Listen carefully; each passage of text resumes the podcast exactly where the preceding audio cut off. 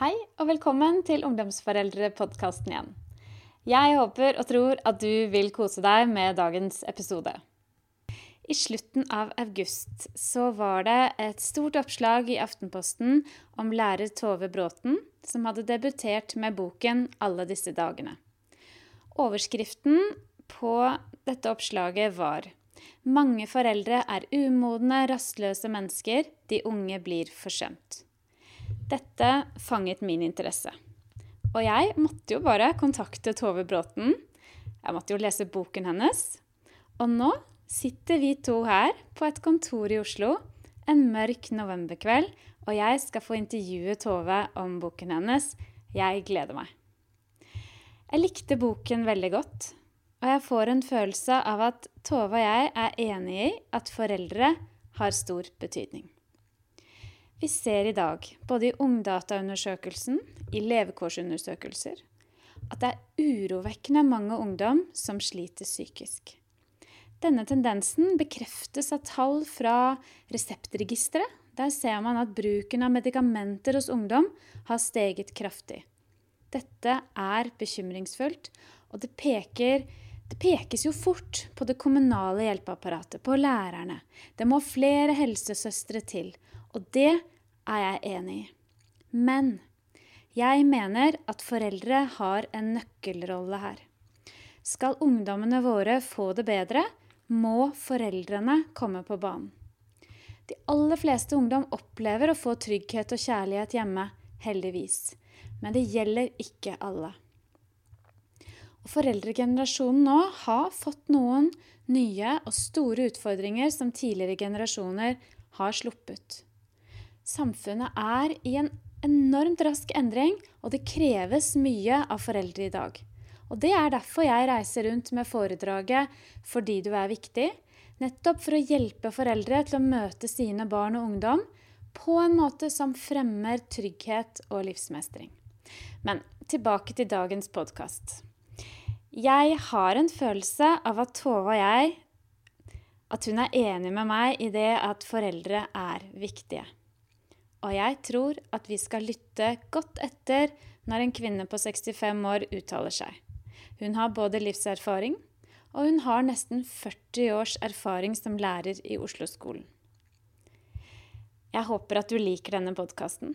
Den er litt annerledes enn de andre. Den er nesten som et bokbad, egentlig.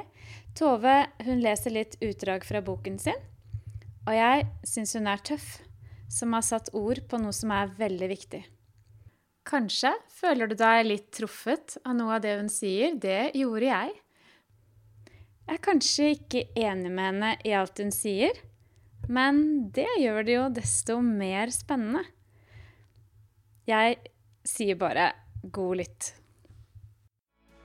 Sett lenge, det kommer til å skje, du blir voksen, og jeg veit ikke helt hvordan jeg takler det.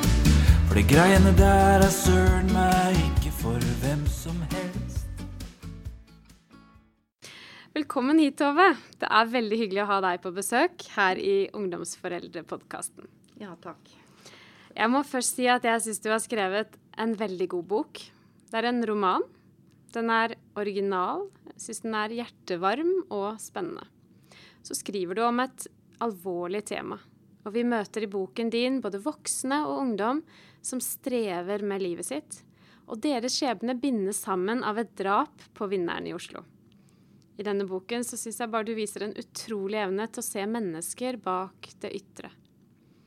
Har du lyst til å aller først nå fortelle litt om hvordan denne boken ble til? Ja, boken ble til uh, plutselig, vil jeg si, mens jeg satt i klasserommet og uh, fulgte med på elever som skrev heldagsprøve om særemnet sitt i norsk. Uh, da arbeidet jeg ved en skole med en del elever som var faglig svake og hadde veldig problemer med å lese litteratur. Eh, de strevde med oppgaven og forlot prøven lenge før den var slutt.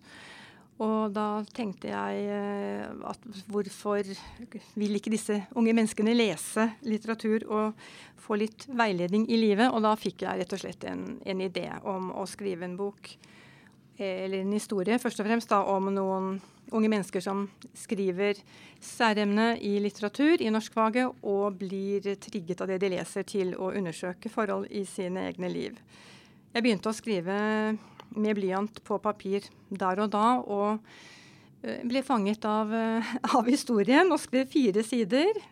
Og kom hjem og begynte å skrive videre på maskin. Og sånn fortsatte jeg et par-tre timer hver kveld utover høsten til, eh, til historien var ferdig. Så spennende.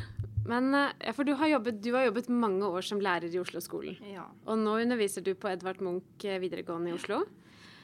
Det høres ut som det er dine erfaringer som lærer som kanskje kommer til uttrykk i denne boken. Du har møtt mange elever og foreldre gjennom alle disse årene.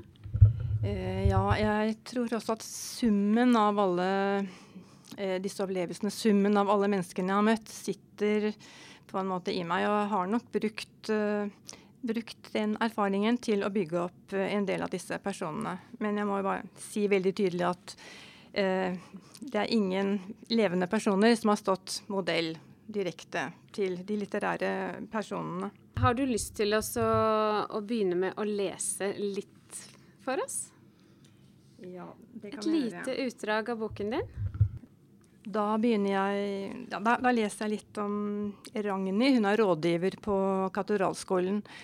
Og hun er en Eh, stødig personlighet som ikke lar seg vippe av pinnen. Eh, hun skal slutte å gå av med pensjon, og en av kollegaene holder en tale for henne. I dag har livet ingen alder, sa noen i en tale til henne i lunsjpausen, og alle klappet og nikket begeistret. I dag, sa kollegaen som holdt talen, er det å bli 70 det gamle 60 og 50 det gamle 40. Ragnhild skulle glede seg over alle mulighetene som lå der ute, sa kollegaen. Og så hadde Ragnhild fått overrakt bokgaven 'Grenseløse Toskana', rikt illustrert med store fargebilder av skandinaver som hadde virkeliggjort drømmene sine, om å pusse opp gamle herskapsruiner i det toskanske landskapet. Ragnhild hadde takket for gaven på sin sindige, lett autoritære måte, og hadde bladd høflig gjennom noen sider. Det har vært en lang, slitsom prosess. Vi holdt på å gi opp, men se på dette nå, her er vi lykkelige, sto det under et av bildene. En hard, påtrengende lengsel etter det lille kjøkkenet på hytta på Hardangervidda hadde fylt Ragnhild med en ukjent intensitet. En lengsel etter å sitte småfrysende på den blå taburetten ved kjøkkenvinduet. Med kaffekrus i hånden og se det aller første morgenlyset bre et svakt skjær over den bleke mosen Og bare være der og ingen steder. Eh, og Ragnhild hun er da en eh, kontrast til eh, veldig mange, eller flere av de andre voksne i historien, som har dette ur urolige inni seg. En sånn flyt. De er liksom på flyt og leter etter noe å fylle livet med. Og eh, liker å reise, shoppe, eh, drive med interiør og, og selskapsliv med vennene sine. Eh, på en måte er kanskje Ragnhild min heltinne da, i den, denne sammenhengen. For Ragnhild fremstår som trygg, en trygg voksen i boken din. Ja. Men jeg syns at det skildres eh, Du skildrer mange usikre voksne i denne romanen. Jeg tenker jo at Du har jo med deg disse erfaringene fra skolen. Har du sett en endring? Syns du at foreldre i dag er mer usikre enn de var tidligere? Uh, må man jo først si at det er veldig variabelt. Uh, og at det er veldig mange, veldig mange bra foreldre der ute. Uh, men jeg ser kanskje en Eller jeg tenker at jeg ser en generell tendens til at roller i familier kan bli litt uklare. voksne som ikke kommer seg ut av uh, ungdomsmodus. Ungdom og barn som må ta ansvar som de kanskje ikke burde hatt. Og det, ja, det skildrer jeg også da i denne, denne historien. Noen, noen voksne strever jo med dette hele livet, og det har kanskje kommet de siste ja, 15-20 årene. etter at fokus på individuelle behov er blitt veldig tydelig i samfunnet. Tenker iallfall jeg. jeg kan lese litt om Evy, som er en annen hovedperson i denne historien. Evy er Hun er vel egentlig den mest sentrale personen. Evy er en pensjonert flyvertinne i midten av 60-årene som hele sitt liv har lett etter lykken, kjærligheten, meningen med livet. Aldri etablert seg. Alltid vært på, uh, på leting etter noe hun ikke har funnet. Og nå har hun møtt en mann som hun håpet det skulle bli noe med. Denne mannen er altså myrdet. Og dette mordet er da motoren i fortellingen som trigger disse menneskene som eh, blir knyttet til etterforskningen, til å møte seg selv, da. Og Evy hun har en god barndomsvenninne som heter Astrid. Astrid har uh, gått en annen vei. Hun er uh, godt etablert med fire voksne barn og barnebarn. Og nå har Astrid tatt Evy med seg ut på tur for å gå en runde rundt Sognsvann. For fordi Evy er veldig nedfor. Og Evy går og tenker da på, på livet sitt. Der går Astrid rett foran henne med den plumpe figuren trygt plassert i fruebukser, størrelse 46, med det lyseblå barneskjerfet som datteren brukte en gang, og strikkeluen hun laget for over 30 år siden. Og likevel har hun alt på plass i livet sitt. En solid, snill ektemann, jugendhus på Slemdal, fire flinke voksne barn og til og med barnebarn. Alt dette har bare kommet til Astrid, uten at hun har behøvd å gjøre noen ting, tenker Evy. Astrid hadde bare levert den siste eksamensbesvarelsen på Sosialhøgskolen og gått mysen og sliten ut i solskinnet sammen med studievenninnene. Rett bort til Saras telt i Studenterlunden for å ta en pils. Eller en solo for Astrids del. Og der satt selvfølgelig en gjeng tredjeavdelings jusstudenter, og vips, så var to av de ferske sosionomjentene forlovet med hver sin kommende advokat. Og vips, to år etter sto Astrid brud i en fullstappet Ris kirke mens Evy, som var forlover, allerede hadde vært gjennom verdens mest ulykkelige ekteskap og var skilt. Der har du meg, sier Evy stille til seg selv, som om det korte ekteskapet hadde satt en standard for resten av livet hennes. Det er som om Evy aldri helt fikk reist seg og krabbet ut av det mørke hullet hun var i da hun med blanke øyne sto og fulgte Astrids hvite brudekjole med blikket den gangen. Det var som om det ble enda vanskeligere å være Evy da Astrid og Georg et par år senere flyttet fra den lille leiligheten på Majorstua til villaen på Slemdal. Alt ble liksom bare større og bedre og mere for Astrid, mens Evy kavet fram og tilbake uten å komme noen vei. Men hvor skulle hun? Det var jo det hun ikke visste. Det var det som var så vanskelig den gangen.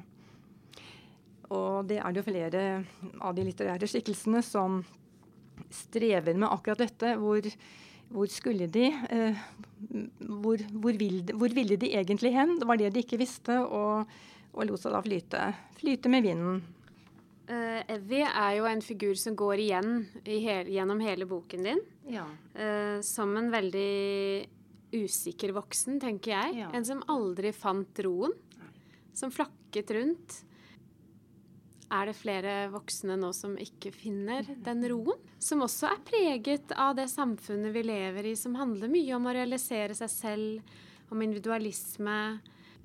Ja, altså det, det, kan jo se sånn ut. Det er jo sånn jeg tolker det i denne historien, da. Uh, og jeg har jo samlet en del av den type voksne i, som nå knyttes sammen.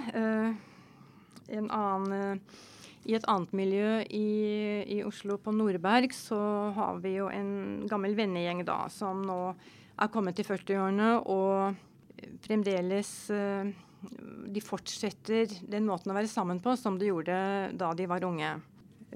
Da, er, det Sara som er den, en av de andre kvinnelige hovedpersonene. Og hun er gift med Sven i et nokså ulykkelig ekteskap for hennes del hun, eh, hun, bare gikk inn i ekteskapet uten egentlig å uh, vurdere hva hun egentlig ville. Nå har årene gått. De har vært gift i, over, over, 20 år, og nå skal de i middagsselskap med Bamseklubben. Det er Line og August sin tur denne gangen. De bor på Korsvoll, en kort spasertur fra Peder Ankers vei. Klubben var i utgangspunktet kameratgjengen til Sven fra Handelsgym. Etter den offisielle russeturen til Kjøben var de enige om at det var litt tidlig å lande, så de arrangerte en ekstra russetur til Marbella rett etterpå. Navnet Bamseklubben oppsto der nede da August, som ikke hadde rukket å bli edru etter første natts No Limit, hadde klart å forville seg inn i hotellets bamseklubb og høyrøstet nektet å forlate barnegruppen som satt og klippet skyggebilder av tropefisker. De to unge jentene som var satt til å aktivisere barna, måtte hente sikkerhetsvaktene. August hadde satt seg dramatisk til motverge, og alle barna begynte å gråte og ville ikke lenger være i bamseklubben. Så foreldrene måtte ha med barna sine på stranden resten av den ferien. En festlig historie som ofte blir tatt frem ved passende anledninger og fremkaller brølende latter fra bamseguttene og velvillige smil fra konene. Fra litt avstand ser alle konene like ut, de ler høyt og holder vinglassene omtrent på samme måte, nonchalant som om de holder en lang blyant eller penn som de snart skal bruke til å notere med. Ja, og dette er de jo da veldig opptatt av. Eh, selskapslivet, reiser, interiør, eh, hvordan de kan oppleve nye festlige ting. Og sånn går det ganske lenge inntil eh, da Sara hovedpersonen i denne, i denne, En av hovedpersonene i denne fortellingen, hun begynner å kjenne på et nokså sterkt ubehag. Og det vokser da i takt med etterforskningens utvikling. Men jeg tenker, Tove, at du skildrer disse usikre voksne. Er det litt er grunnen til at du trekker fram den usikkerheten og setter et fokus på den gjennom boken din, litt det at du ser at dette dette handler ikke egentlig Det handler om voksne som ikke har blitt ordentlig voksne. Det handler om voksne som også selvfølgelig skal få lov til å ha det gøy. Ja. Men det har noen konsekvenser. En del av den livsførselen som du beskriver i denne boken, og, og de det har konsekvenser for, det er barna og ungdommene. Ja, jeg tror det er eh, at det faktisk blir ganske utrygt når, eh, når, det blir veldig uklare roller mellom voksne og barn, og kanskje særlig i en familie. Når jeg tenker tilbake på min erfaring som lærer, og hvordan jeg har sett uh, utviklingen i miljøet blant ungdom fra helt tilbake fra 70-, 80-tallet og fram til i dag, så tenker jeg på uh, plakatene som hang oppe oppe på de to første videregående skolene jeg, eh, jeg jobbet på, på 80- og 90-tallet, de handlet om uh, solidaritet, stå sammen. Det var bli med i Natur og Ungdom, bli med i krist, det kristne skolelaget. Eh, hjelp verden, stå sammen for en bedre fremtid, da, for å si det kort. I dag er de plakatene jeg ser på skolen jeg selv er ansatt på, og andre skoler jeg er på besøk på. Eh, veldig fokusert på individet. Eh, vil du bli en stjerne? Er du flink til å danse? Er du flink til å synge? Kom på audition. Det er veldig mange invitasjoner til å delta på ulike typer audition. Altså å være en stjerne eh, kan se ut til å være målet. Men eh, det tror jeg også fører til en slags ensomhet. For hvis du eh, har som mål å være stjernen på scenen, så tror jeg du kan stå ganske alene. Og det kan være vanskelig å bli en slik stjerne. Eh, egentlig så føles det ganske trist å se den utviklingen og tenke på den. For det er nå engang sånn at alle alle kan ikke bli akkurat det de kanskje drømmer om. Alle kan ikke bli og skal ikke bli en, verken en stjerne eller statsminister eller redde verden. Og nå er vi kanskje kommet litt der at de voksne er også så opptatt av å prestere seg selv. Og de også skal oppnå Og dette, dette blir et slags jag i samfunnet vårt um, som, som kanskje har vært der til dels hos ungdom i, i lange tider. Men at det nå blir så mye sterkere fordi de voksne er med på denne galoppen på et vis. Mens voksne tidligere kanskje var, var tryggere, da. De, var, de, hadde ikke disse ambisjonene. De var, de var bønder, eller de var, de var de de var. De var en del av en familie, en slekt, og så var det det det var. på en måte. Men nå har vi alle muligheter, og vi har Alle skal realisere seg selv og prestere seg selv. og, og når de voksne er med på det, så gjør det noe med ungdommene våre, ja. tror jeg. Ja, det tror jeg også. Jeg tror at uh, man jo er et slags forbilde, selv om, selv om kanskje ikke ungdommene vil, uh, vil, innrømme det. Og denne sånn, dreiningen mot underholdnings- og opplevelsessamfunnet, som jo begynte for kanskje et par, par-tre tiår siden og blitt veldig intensivert, det tror jeg kanskje vi må forholde oss litt kritisk og, og bevisst til. I Norge har de fleste mennesker bra levestandard. Vi lever i et velferdssamfunn. Og kan kjøpe mye, kan reise mye. Kan gi oss selv veldig mange opplevelser. Uh, hvis man, eller når jeg spør en del unge mennesker jeg kjenner i dag hva de har lyst til å gjøre etter at de er ferdige på videregående, så svarer veldig mange at de vil, de vil ut og reise. De vil reise verden rundt, de vil, de vil ha noen gode opplevelser. Og skal i hvert fall gjøre det før de gjør andre ting. Og det er på en måte en god ting. Det er fint å kjenne verden. Uh, men det er noe litt trist ved det også. At du, du, skal bare opp og fylle deg Du skal ut og reise og fylle deg opp med en god del opplevelser som du må hente langt unna. Uh, på en måte så syns jeg det ikke kjennes, høres helt bra ut å ha en slike planer.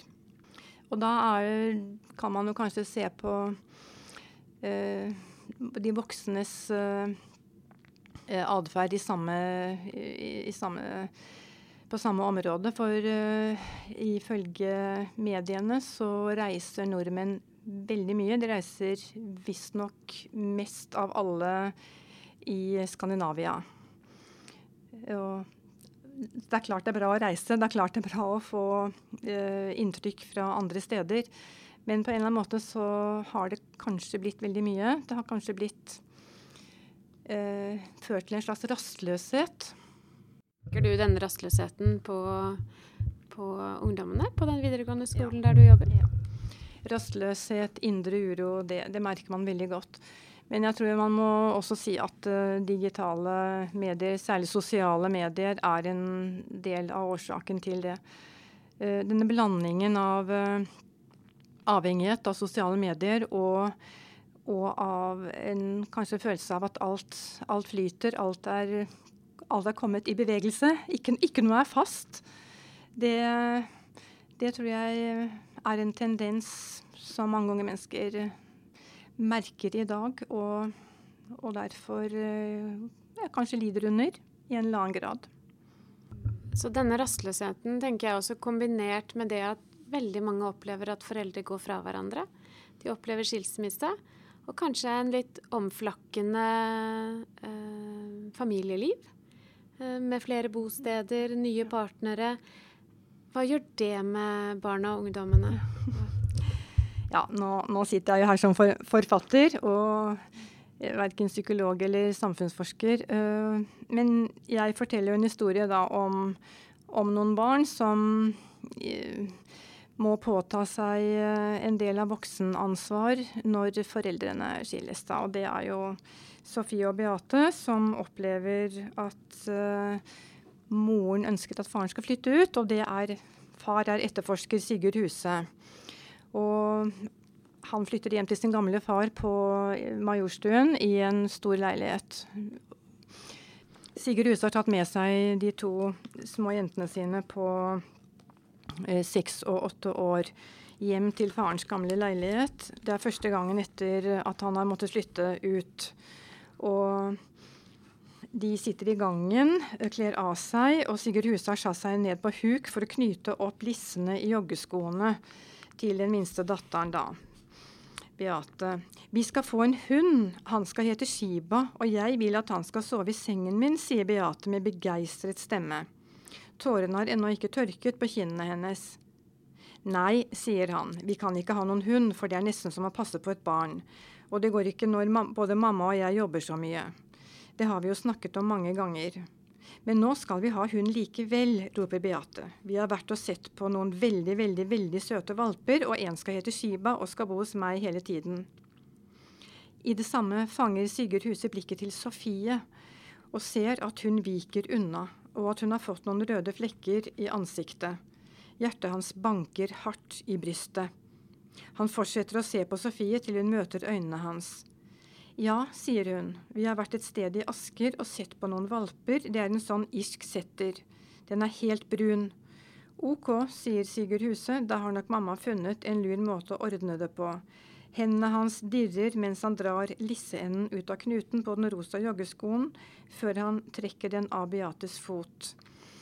Ja, og her er det da Sofie på åtte år som nå på en måte må ta ansvar for pappaen sin, rent følelsesmessig, for hun vet jo uh, at Sigurd Huse at, at, pappaen ikke er klar over at moren har kjøpt en hund. Uh, I en annen scene litt lenger ut så er de også med til uh, farfars leilighet. I en scene lenger ut skal Sigurd Huse hente Beate i, i barnehagen. Hvorfor kommer du så sent, jeg har faktisk stått og ventet på deg i tusen timer, sier Beate og strammer munnen så de to smilehullene på hver side av munnvikene blir dype søkk. Han løfter henne opp og legger ansiktet mot håret hennes og drar inn lukten av barnesvette, uluftet barnehage og den økologiske urtesjampoen som Kristine bruker når hun vasker jentenes hår. I noen straffende sekunder er Beate stiv og tung i armene hans men så mykner hun og legger begge armene rundt halsen hans, strammer til så hardt at hun kjennes ut som en ekstra kroppsdel som prøver å feste seg til Sigurd Huse. Jentene ser nesten ut som tvillinger hvis man ser bort fra aldersforskjellen mellom dem, som er nesten tre år. Ja, Så har han kommet til, eh, til Akst for å hente Sofie, da. Hallo, sier Sofie da Sigurd Huse og Beate står i døråpningen til aktivitetsskolen. Hun uttaler ordet med en likegyldig nonsjalans, mens hun så vidt kaster et kort skråblikk opp på dem fra der hun sitter ved et lavt bord. Stemmen har et lett anstrøk av kjedsomhet, og hun somler nokså lenge med å gjøre seg ferdig med et perlebilde i grønne nyanser som ligger foran henne på bordet. Hun sitter mellom to jenter på samme alder, alle tre har langt, lyst hår og er kledd i hvite tights og trange rosa kjoler som kopier av voksne damer. Venninnene kaster undersøkende, kritiske blikk mot Sigurd Huse, mens Sofie konsentrerer seg ekstra lenge om å legge noen plastperler omstendelig på plass på de små hvite piggene på det hvite brettet. Hun holder blikket stivt festet på det uferdige bildet av en mørkegrønn katt, stopper plutselig opp med dramatisk oppsperrede øyne da et par av perlene glipper ut av hånden hennes og triller ned på gulvet. De to venninnene huker seg ned for å hjelpe Sofie med å lete, mens de fortsetter å kaste raske blikk mot Sigurd Huse og Beate. Sofie reiser seg og går med stive skritt bort til oppbevaringshyllen med perlebrettet forsiktig i hånden. Ha det, god helg, vi ses på mandag, sier hun med voksenstemme til venninnene uten å snu seg, mens hun passerer faren og søsteren og går ut mot garderoben. Ja, så hun syns det er veldig vanskelig med den nye situasjonen, og eh, strever med seg selv, og hvordan hun skal være mot faren etter at han har flyttet ut da, fra familien. Og må innta en altfor mye ansvar for faren sin. Hmm. Her ser vi egentlig, her illustrerer du egentlig to små jenter som i stor grad tar ansvar for sine foreldres uh, vanskelige følelser. For foreldrene klarer ikke å snakke sammen, får jeg inntrykk av i boken. De snakker ikke sammen. Uh, de snakker litt sånn til dels gjennom jentene sine. Ja. ja. Um, men du, det er så mange spennende figurer i boken din, syns jeg. Og jeg har lyst til å komme litt tilbake til Evy. Som, som jeg um, Noe av det som rørte meg veldig, var det forholdet som utvikles mellom Evy og M. Og M er altså fosterdatteren til um, Sven og Sara som, som, er med i Bamseklubben, og som strever uh, i sine liv. Og de har ikke helt fått til å skape den trygge basen for M som hun nok hadde trengt. Uh, men på et vis da, så vikles jo disse skjebnene sammen, og Evy og M utvikler en relasjon. Og de møtes jo Jeg syns jo Evy har en utrolig evne til å være i øyeblikket og se M bak denne hettegenseren, og hvordan hun, hun gjemmer seg jo, denne tenåringen. Men samtidig så Men Evy klarer å se henne. Og hun ser noe vakkert ved henne. Og så etter hvert som de har flere og flere møter, så, så, utvikles det en veldig verdifull relasjon for de begge to, tenker jeg. Her er det ikke bare en voksen som ser en, en ungdom og tar seg av henne, men de har gjensidig glede av, det, av den relasjonen. Har jeg, har jeg, forstått det riktig da? Uh, ja, jeg tror du har forstått det riktig. Uh, M har, har, jo da hatt en veldig hard uh, skjebne. Hun har vandret fra fosterhjem til fosterhjem av ulike årsaker og har Eh, måttet beskytte seg ved å lukke litt av for andre. Samtidig er hun veldig sterk eh, person. Hun er eh, smart, hun har planer for livet sitt, og hun har liksom klart seg litt mot alle odds. Når det gjelder, gjelder Ebbys forhold til M, så møtes de da helt tilfeldig oppe ved Sognsvann, hvor, hvor M er går, går på tur med sin biologiske mor, som hun skal treffe av og til, sammen med fostermoren. Og Evy passerer da med venninnen Astrid og, og, og, ser M sitte uh, ved Sognsvann i regnværet på en stein, og det er noe ved M som får Evy til å bli oppmerksom på henne. Hun snur seg og får henne ikke ut av hodet sitt. Nå er det jo to, års to, årsaker til det. Det ene er at hun har noen helt spesielle øyne som ligner på, på, på øynene til, uh, til, en mann som Evy kjenner. Uh, og det andre er um, at Evy har et godt hjerte. Så det tenker jeg at alle Jeg ville prøve å gi alle personene, unntatt, unntatt han som blir myrdet, de det er gode mennesker. De, er, de, har noe godt i seg, og de, uh, dette gode de har i seg, det, det, kan bli trigget i møte med andre. Emma og Evy får langsomt et, et forhold. Det er liksom Evy som står på og tar kontakt med Em når hun møter henne på Kringsjå og ved Sognsvann. Uh, til slutt så får jo Ebi vite Eh, hvilken tilknytning M har til etterforskningen. For det viser seg jo at hun, det er en, en tråd der mellom M, M, og den kriminelle handlingen som er skjedd. På slutten av eh, fortellingen så møtes de Sitter M og Evy på Halvorsen konditori. Eh, det er vel fjerde gangen de, de, sitter der. Det er Evy som inviterer M, da M gir etter hvert etter. Og nå har jo Nå har jo M eh, fortalt litt grann Hun har avslørt litt til Evy om sine vanskelige følelser sånn indirekte. Ja, og jeg syns det er vakkert, dette, denne relasjonen mellom de to. Og, og jeg syns jo at Evy møter jo M på en veldig fin måte. De har disse møtene på kafé. Um, og så syns jeg det, Du beskriver det så flott her mot slutten av boken, hvor Evy sier til Emma at 'jeg måtte bare si dette'. Og når hun forteller dette Nå skal ikke jeg avsløre det, for det, det avslører liksom litt av hele komplott, eh, liksom plottet i boken. Men, men, det hun sier, at 'jeg måtte bare si det'. Og når hun sier det, så er det så, så, skriver du her det er som om noe hardt og trangt løser seg opp rundt dem. Som om noe ubehagelig flytter seg lengre bort. Og det er så godt å lese de ordene mot slutten av boken, for her er det så mange som tidligere har i boken har, har gått og på en måte kjent på ting. De snakker ikke om det, men endelig så er det en sånn fin beskrivelse av hvordan det kan løsne når noe blir satt ord på, og noen tør, tør å, å sette ord på det. Og da skriver du videre at øynene til M fylles med tårer mens hun holder blikket festet på Evy. Hun har lagt ned bestikket og sitter med hendene i fanget, helt urørlig. Hun gjør ikke noe forsøk på å tørke seg i øynene, og Evy lar henne sitte slik. Du er annerledes, helt annerledes, og det skal du tenke på hvis du får vonde tanker, sier Evy etter en lang stund. Ja, sier M bare, så sender hun kakefatet til Evy, smiler og sier nå er det tid for eggelinse. Da setter de kakegaflene i hver sin linse og nikker til hverandre. Den er god i dag også, men det kunne ha vært litt mer eggekrem i midten. Jeg syns bare det er så utrolig vakkert skrevet. Og her gir jo Evy egentlig M noen helt sånne eh, veldig gode verktøy, egentlig, for å håndtere utfordringer. Og hun, hun, sier jo til henne at du er annerledes, og det skal du tenke på hvis du får vonde tanker.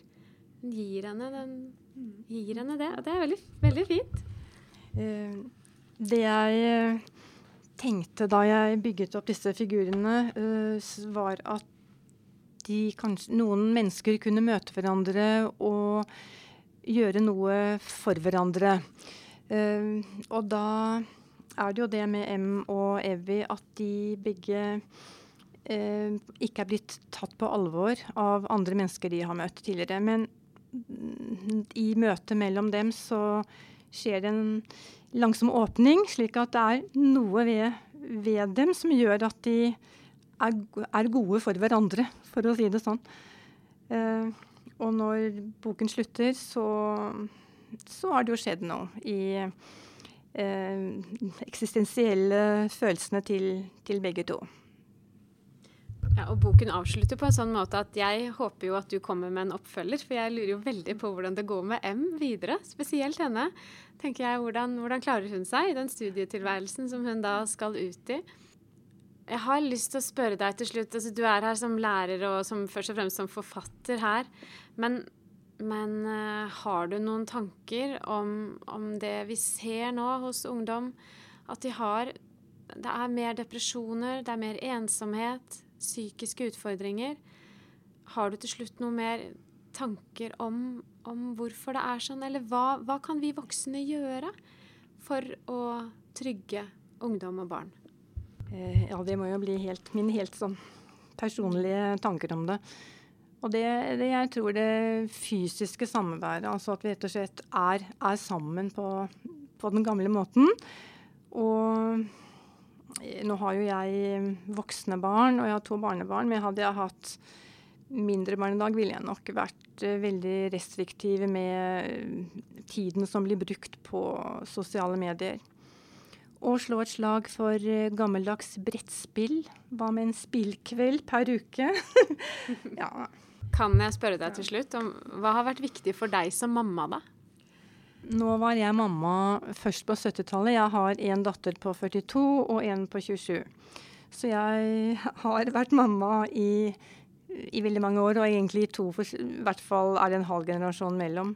På 70-tallet var jeg jo nokså ung studentmor og eh, levde i 70-tallets eh, idealer. Vi, vi, var en, en vennegjeng som fikk barn tidlig, var studenter, dro på hyttetur, spiste risengrynsgrøt om lørdagen. og det høres veldig idyllisk ut, og det var så klart ikke bare idyllisk, men vi var veldig mye sammen med barna våre. Vi hadde de med oss overalt, og vi hadde selvfølgelig ikke mobil. Så det var, det var mer, mer samvær. Jeg tenker det å være mye sammen med barna, øh, gjøre ting sammen, gå på tur i skogen, lage mat sammen. Så være sammen med barna sine, det, det var jeg, en, sånn, en, naturlig, en naturlig del av det å være mor for meg den gangen, selv om jeg ikke tenkte veldig bevisst på det, for jeg var såpass ung. Uh, da jeg fikk datter nummer to i 1990, så var det jo endret tider, men eh, jeg tror direkte samvær er veldig viktig. Og så tror jeg at eh, det å være bevisst på voksenrollen eh, Noen ganger så kan man ikke gjøre alt man har lyst til. Det blir veldig moralistisk. Mm. Det blir sånn moraliserende, vet du. Det. Men det er jo det jeg egentlig men, mener. Men, ja, men kanskje det er det vi trenger, tenker jeg. Kanskje det er akkurat det vi trenger. Fordi vi er litt, kanskje litt redde for å Kanskje vi er litt redde for å si det. Fordi det er ikke, det er ikke helt innafor i dagens samfunn. Ja, ja, nei øh, øh, Jeg tenkte Nei, dette med å, å noen ganger mm, prioritere det å være foreldre, at det er ganske viktig. Altså, så kan man da sette av litt mindre tid til uh, det man vil selv, i en del år. Og så får man jo seg selv tilbake igjen når barna blir store. Det er jo noe jeg merket, og som jeg syns er ganske deilig. Uh, men det, det, gjør man jo. Man mister seg selv i noen år, så Eller man mister iallfall en del av seg selv i noen år, og så får man seg selv tilbake igjen. Og det må man kanskje godta. Ja. Samtidig som jeg er jo litt opptatt av det at jeg syns at mange småbarnsforeldre eh, de er veldig flinke, da. De går, de går, veldig opp i det. Og prioriterer barna liksom fremfor alt. Og kanskje litt for mye, tenker jeg. Altså Når de, når de liksom legger alle sine egne behov til side og tilrettelegger alt, så er ikke det alltid bra heller. Og så syns jeg at jeg møter en del tenåring-ungdomsforeldre som nå har gjort det i så mange år. De har prioritert barna satt seg selv til siden, og så, de, så får de barn i tenårene og ungdomstiden som, som, etter hvert klarer å lage seg mat selv, og de finner veien, og de, de kan ta bussen. Og da liksom akkurat som de huh, Ferdig. Og så forsvinner de litt. Men så tenker jeg at det er kanskje akkurat i de årene der hvor barna nesten trenger deg aller mest. Da trenger de jo tilstedeværende foreldre som har tid til samtale og tid til å følge opp og være der, da. Eh, ja, det tror jeg også er et, eh, et, behov som både barn og ungdom har. Og det kan være vanskelig i dag, for det er jo veldig hektisk, og vi har veldig mye å gjøre, alle, alle sammen. Uh, særlig hvis man også er i yrkeslivet og skal både drive, drifte et hjem og være i yrkeslivet. Så det er jo kjempevanskelig. Det er jo en, en stor utfordring. Men jeg tror at man skal slippe det man har i hendene, og eh, gjøre seg selv tilgjengelig i, i, større grad enn det man gjør nå, kanskje, når, når, man, når behovet hos barna er der. Eh, det kan virke som om det går en del unge mennesker rundt og mm, bygger sine egne liv og strever litt med å gjøre det fordi de ikke har så mange å snakke med som har mer erfaring enn dem selv. Eh, det å lufte noen tanker, det å tenke fritt mens man snakker sammen for å løse ulike utfordringer, det tror jeg kan være veldig bra å gjøre sammen med noen som har mer livserfaring. Ungdom trenger faktisk å snakke med foreldrene sine om livet. Om utfordringer og gleder og sorger og det de står i. Og det tar tid. Du har satt fingeren på noe veldig viktig i boken din. Og jeg håper at eh, mange går ut og kjøper den. Eh, jeg syns du, du, skisserer så mange ulike roller og figurer, og så kan vi ta til oss. Noen kan være en vekker for oss, noen av figurene, mens andre figurer kan være forbilder, tenker jeg. Eh, Ragnhild har også for meg blitt et sånn forbilde eh, i denne boken, så den, jeg vil bare anbefale den på det varmeste. Løp ut og kjøp boken alle disse dagene. Tusen takk til deg, Tove, for en veldig hyggelig, lærerik og spennende samtale. Dere lyttere, hvis du likte dagens episode, så gå gjerne inn på iTunes og gi meg noen stjerner der. Fortell om podkasten til venner og kjente og alle du møter, så blir jeg veldig glad.